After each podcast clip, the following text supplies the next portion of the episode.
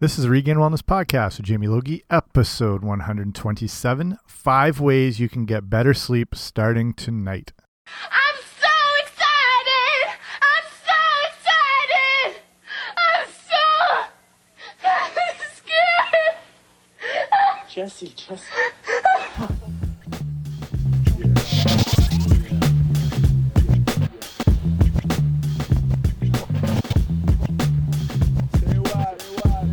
Hey guys, what's happening? Welcome back to the podcast. I'm Jamie Logie. I run regainedwellness.com, and this is the Regained Wellness Podcast. And we're talking about sleep today.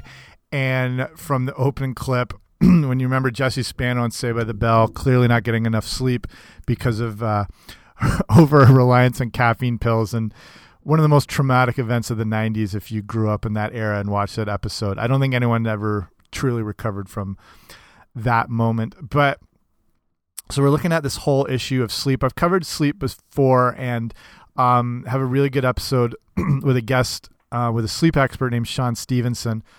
sorry, who really goes into a lot of the detail and the science on what happens to us when we don't get enough sleep um, and the damages. And I'll link that up uh, on the show notes if you go to regainedwellness.com slash 127 and um, yeah just so you can see all that right there he's brilliant so covered a lot of good stuff but today talking about um, you know practical tips you can do right away to help get better sleep and i'll go you know into the issues again with sleep and everything like that but before we get into that make sure if you haven't already subscribe wherever you get your podcast. I assume iTunes would be the go-to for most people, um, but also like Stitcher Radio, Google Play Music. I think I'm on iHeartRadio. Anywhere you get podcasts, that's the place to go.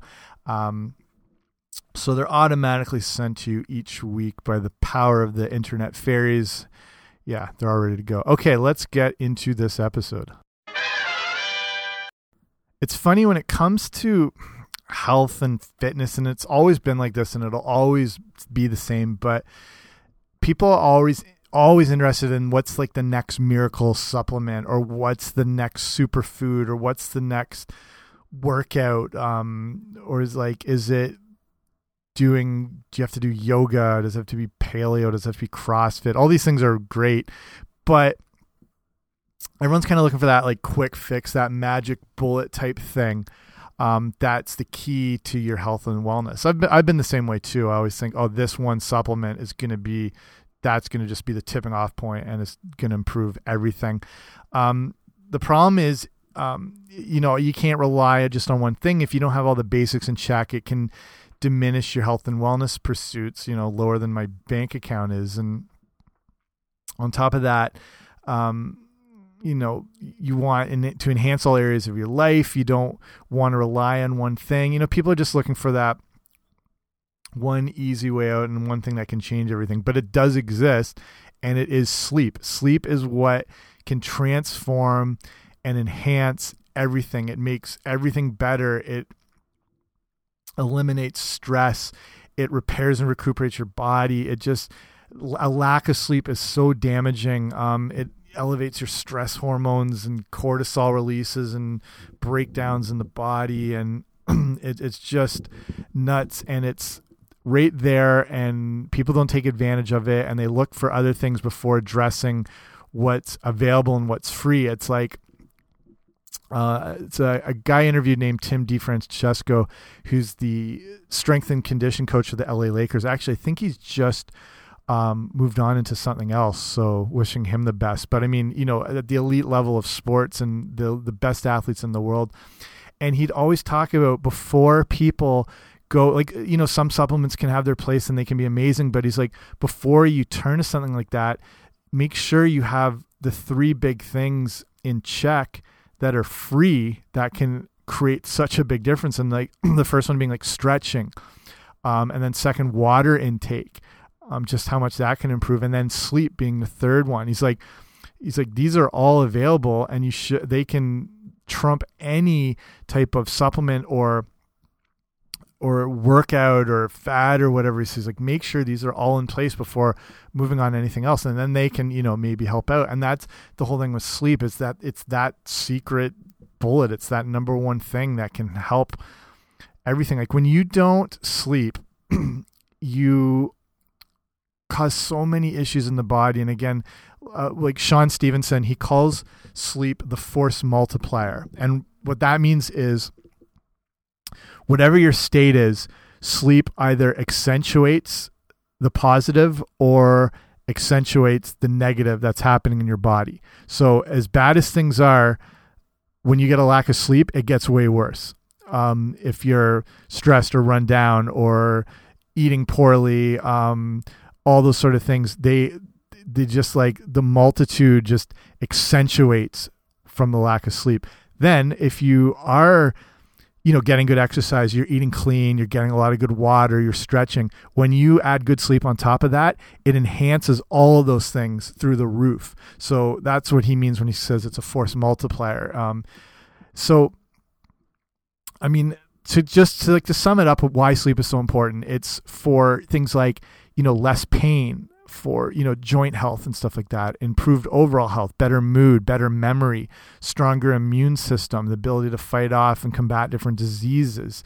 It's it's weird like we tend to live in a society that's it kind of prides itself on seeing who's the busiest like it's a competition it's like you know burning the candle at both ends and it's like we wear our ability to function off a lack of sleep like it's a badge of honor. It's like wow, I'm like I only I only got four hours sleep last night. Look, you know, look how I'm doing. You know, you may be able to get away with this for a little while, but in the long term, you're creating some pretty unfavorable conditions in your body. Um, and I reference another uh, some of the episodes I've done on stress, and I'll link those up too. If you want to go to the show notes today, which is just going to regainedwellness.com slash 127, and I'll link up just the different things I was talking about, like that episode with Shawn, um, that episode with Tim as well, if you want to hear about the elite level of the NBA and what it takes to train and condition these guys. And then uh, show I did on stress, just about more of the damages and a lot of the details um, that go with it. But essentially, to sum it up, I mean, with this lack of sleep and everything, it all comes back to those stress hormone, hormone hormones, easy for me to say, in the body. We're, we're just bombarded with stress on a daily level and it doesn't matter if it's real or if it's perceived, your body reacts the same way um, with this elevated stress hormones and cortisol that's causing all these damage and these inflammatory conditions in the body. So, like I said, when you throw a lack of sleep onto all those daily stresses and whatever, it's like throwing gas on a fire and everything just goes up in flames um, like that. So, I mean, simply put, if you're not getting enough sleep, your body assumes something traumatic must be happening if you're not allowing yourself rest and recuperation. Um, it's just that your body doesn't know if there's some sort of famine or environmental trauma going on, or if you've just been up all night watching a House Hunters marathon.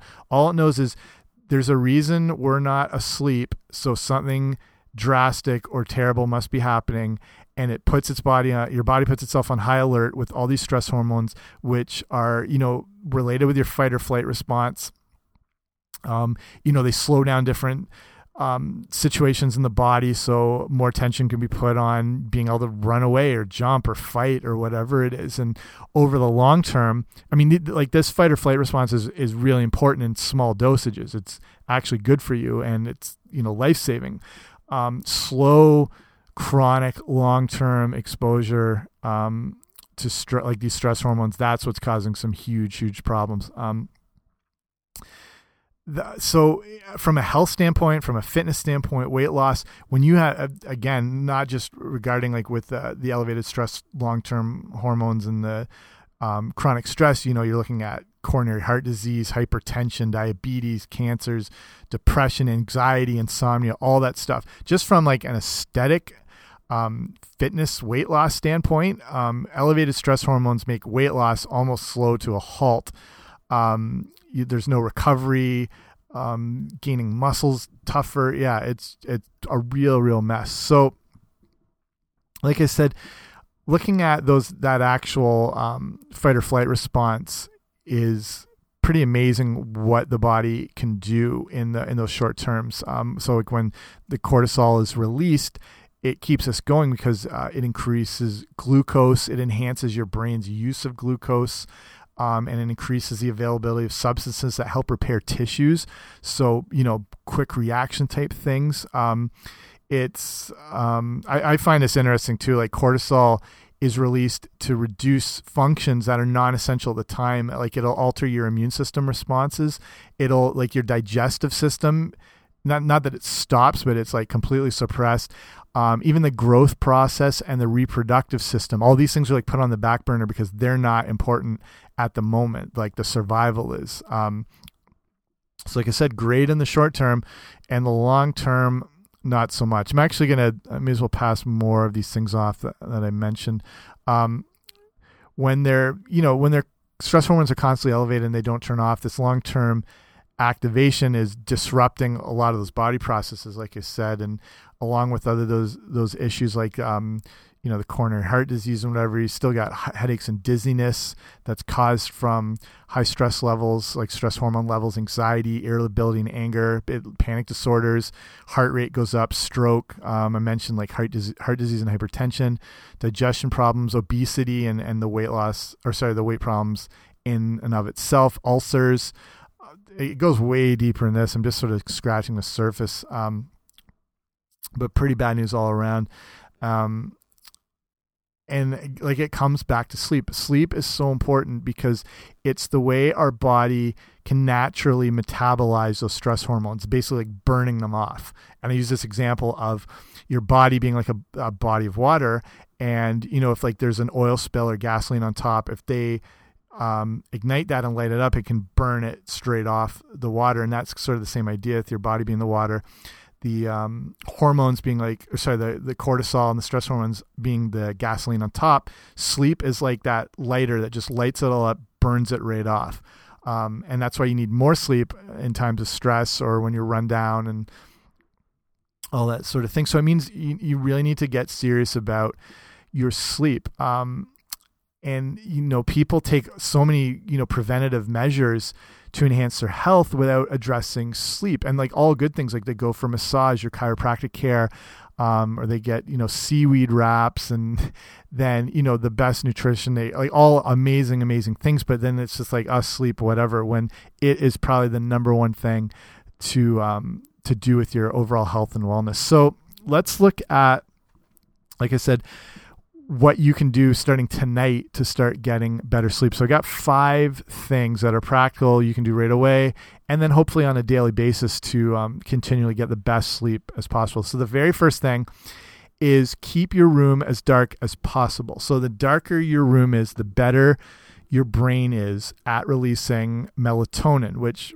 I think most people are aware of. It's the hormone that's responsible for like your circadian rhythms and for keeping your sleep cycles running properly.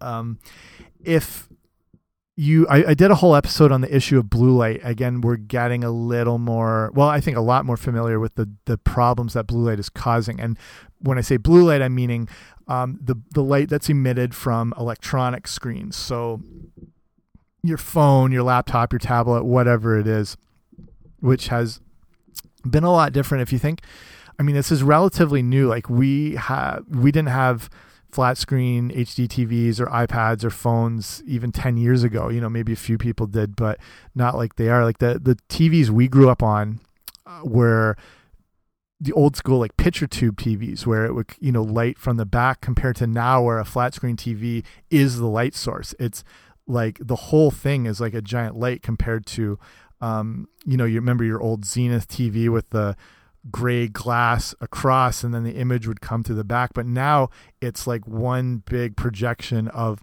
blue light and it's a completely different type of light. This electronic sort of pixel light emits that blue glow. And you can tell if you you know you drive by a house at night and they're watching TV you, you see that blue glow come from like the living room compared to say like light bulbs give off that more yellowish orange glow, you know, the sort of cabin in the mountains or the ski village and you know you see that image of of that sort of glow coming from it which is similar to um, not the same but similar to you know candlelight or or or the light given off by a fire or whatnot. But like the you know the the light bulbs we would use in our lamps in the living room that gives out again if you're driving by a house at night you see more of that yellowish glow, but you can definitely tell a big TV by the blue glow that's coming off it. And that stuff is basically just turning off melatonin production in our body. And we live in a sort of like a 24 hour perpetual daylight society now. And, you know, at 10 o'clock at night, when our bodies would normally be completely winding down and, and in a earlier state, you know, like in, even back like a few hundred years, or even a hundred years pretty much, um, full darkness would take over. And now at 10 o'clock like your your house just jumps to life. All the lights are on tv's on your phone's going. Like it's just to your to your brain and to your body it's 12 o'clock in the afternoon standing out in the bright sunlight. That's how it reacts. So your melatonin is is secreted by your pineal gland which is behind your eyes. When that light is coming through your eyes it just can't be turned on and activated. So your body's completely awake. It disrupts your sleep and it makes it harder to fall asleep and to get deep sleep. Um, and then that whole circadian rhythm is is turned off. So when things are dark, the darkness um, that I guess you know is coming through your light allows melatonin to be secreted, and then all those sleep cycles can start running um, perfectly. So what you want to do is keep your room as dark as possible and I would suggest buying blackout curtains. You can get them at like Walmart, Targets, even like on Amazon or whatever. They're a heavier type fabric that just cut out light. It's what a lot of hotels use just to block because most hotels are in high trafficked areas where there's a lot of outside light and whatever, and it just blocks it all in. So you notice if you stay in a hotel, it's just like it's completely completely dark and you might you know find you get better sleep sometimes in places like that just because all of that um, light is cut out. So the other thing um, is to limit your screen use within an hour or two before bed. I know that's tough for people to to do because either you know you just want to be on your phone or watch TV. So at the very least, try to um, you know, like with the iPhone now, it's really good because they have the night. Um, wait, why am I forgetting what this is called? I'm just looking at it right now. The night shift setting um, on the control screen when you swipe up, and you can turn that on, and it gives your screen more of a reddish natural glow and takes out some of that blue light. On your laptop, there's a program program program called f.lux, F dot L U X, and same thing as it takes out the blue light and gives it more of a natural, warmer reddish glow, and and it adjusts it by the cycle of the day and it follows right along with it. I've I've used it for years. It's amazing. Um, and it can get down as so dim that it's considered the same light intensity as like embers in a fire. Um, you can get as low as candlelight and then even lower than that. So if you have to be working late, um, that's a good thing. On your TV, there's a few different settings. It doesn't, it's not necessarily eliminating all the blue light like these other things would, um, but it it lessens it and it's setting your TV to the movie mode. Uh, you know, if you have your your picture modes, there's like standard, dynamic, and then movie, and that just kind of softens it a little bit. So if you are watching that, I do that every night now. After about 10, 10 o'clock, ten thirty, I usually turn the movie mode on and just makes it a bit bit easier. So yeah, that's big tip. And then yeah, use those blackout curtains as well if you can find them. Okay, next tip to get good sleep number two keep your room a touch on the cool side. So an overly warm room is good. It might make you feel drowsy, but not ideal for sleeping as your body has to waste energy trying to regulate your own body temperature. So, same thing that goes with rooms that are too cold. Um, your body has to kind of spring into action and be more metabolically alert to adjust things. Um, ideally, you're looking at cool, which is somewhere between 60 to 67 degrees. So, I mean, if you have where you can control your climate in your house and you can set that, um, you might have to play around with fans, keeping your window open. Basically, when you lie down, your the room temperature should be that your sheets feel cool to the touch when you lie down. Then you're usually in the right range for the best possible sleep again, this coolness also helps with the melatonin production too. Um, that helps you fall asleep faster and stay asleep. Our bodies are just so in tune with the cycle of the day. When the sun sets, the darkness comes up, the temperature drops. All these things sort of kind of work together um, to control our bodies and, and get the best sleep possible. So number three, avoid caffeine after 2 to 3 p.m. Um, no surprise here. Everyone knows caffeine can obviously prevent you from getting good sleep. A cup of coffee or two, yeah, whatever, no problem. Um, and may really have some good health benefits too, especially if it's it's real coffee. Um, and same things with like green tea. There's a lot of good health benefits, antioxidants. Um, coffee's been shown to you know regulate blood sugar a bit, um, even combat things like heart disease. Yeah, but you might find it disrupts your sleep, so you might have to cut it back or cut it off way earlier. The noticeable effects of caffeine, you know, you feel it with, I don't know, it's different for everyone, but you know, within 15, 20 minutes, maybe less, maybe a little bit more. But that, that first effect tends to wear off after a couple hours. But caffeine has what is called a half life, which means it can extend its effects in the body, though you not, you might not necessarily feel, feel jittery, but it's still in your bloodstream and still active. And that can allow um, it to still act, you know, to be working five to six hours as it's eliminated from the body. Some research actually shows that it can go up to nine and a half hours. So that means, um, you know, if you have a cup of coffee at four o'clock, that caffeine can still be in you up to one in the morning. So if you find yourself having trouble sleeping, that might be the reason why. So you might have to play around with it and cut off the caffeine each day to see how you respond to it. Two to three usually works fine. You might not, you might need to cut it off at noon. I'm not sure. Like it's something you might have to um, kind of just jot down and make a note of. Um, see how your sleep was. Say, like it's it's really good to journal and kind of track where you're at. So like I had my last cup at three. How how was my sleep that night? Not so great. The next day maybe back. You know, just have a look and see how this might all play together. So. Um, so I talked. I went more into the the the blue light issue, I'm gonna go.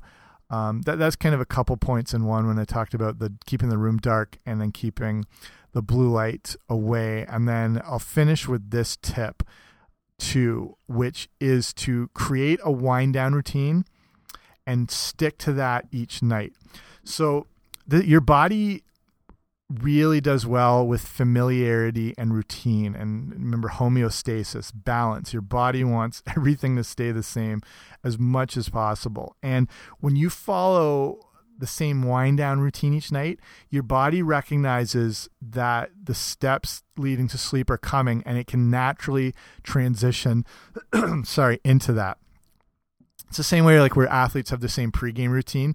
It, it's it's not as much about the routine and that they have to follow whatever. It's just that it allows the body to know it's getting like into competition mode and it can transition into that. And that's the thing with the uh, wind down routine. So sleep researchers always share that the secret to getting into a healthy sleep pattern is consistency. Like your body needs to know what's coming day in and day out. Um, now you need to figure out what the best wind down routine for you is. You might have one already, um, or you might have sort of like the the basics of one, and you need to start adding to it. it. It doesn't have to be super complicated. It can just be, you know, starting with like a shower and then reading and then listening to some music. It, it the main thing is once you once you have a, like a good routine that works, is stick with it and ideally go to bed at the same time each night with that same routine so your body can become familiar and accustomed to it. So if you start the process um, at 10:30, make sure to start at 10:30 every night and kind of follow those steps to lead you to sleep. And this is the stuff that works. All those those points I made. So um, hopefully this didn't put you to sleep listening to it. If it did, you can add that to the list. Um, the main thing is if you've been finding yourself not getting adequate sleep, follow some of these things I just said, and that can get you on the track to better sleep. And then that's going to boost your overall health, um, your wellness, everything like that. So you, you might be doing amazing with your workouts and your fitness, and your meals are like spot on all the time, and getting good water, and you're stretching, and the whole thing. But if your sleep is not absolutely paramount. It's like it's almost the equivalent of spinning your tires. You're just not getting the benefits from everything else, um, and you could be hurting yourself in the long run um, with that, you know, that chronic stress hormone issue. And so it doesn't make any sense for you to ignore such a critical component of your health that is so much in your control. You know what I mean? Like you don't have to pay for this and it's not a specialty thing or a specialty service. It's sleep. It's there. It's free. Um, so you got to make sure it's taken care of each and every day. Okay. That seems like a good place to end it there. Hopefully, you found that helpful. If you have any more sleep related questions or whatever, feel free to write me at info at regainedwellness.com. Don't forget to subscribe. Like I said, wherever you get your podcasts will be there. And if you want to get an email from me every couple weeks, uh, about all sorts of health stuff and fitness and nutrition that I pretty much only cover over email and get a free ebook on healthy eating, uh, go to regainedwellness.com slash guide. You can put your email in there, and by the magic of the internet fairies, that book's delivered to you, and then I can be in touch and help you along with your way. Okay, that's it for me. Thanks for listening. See you later.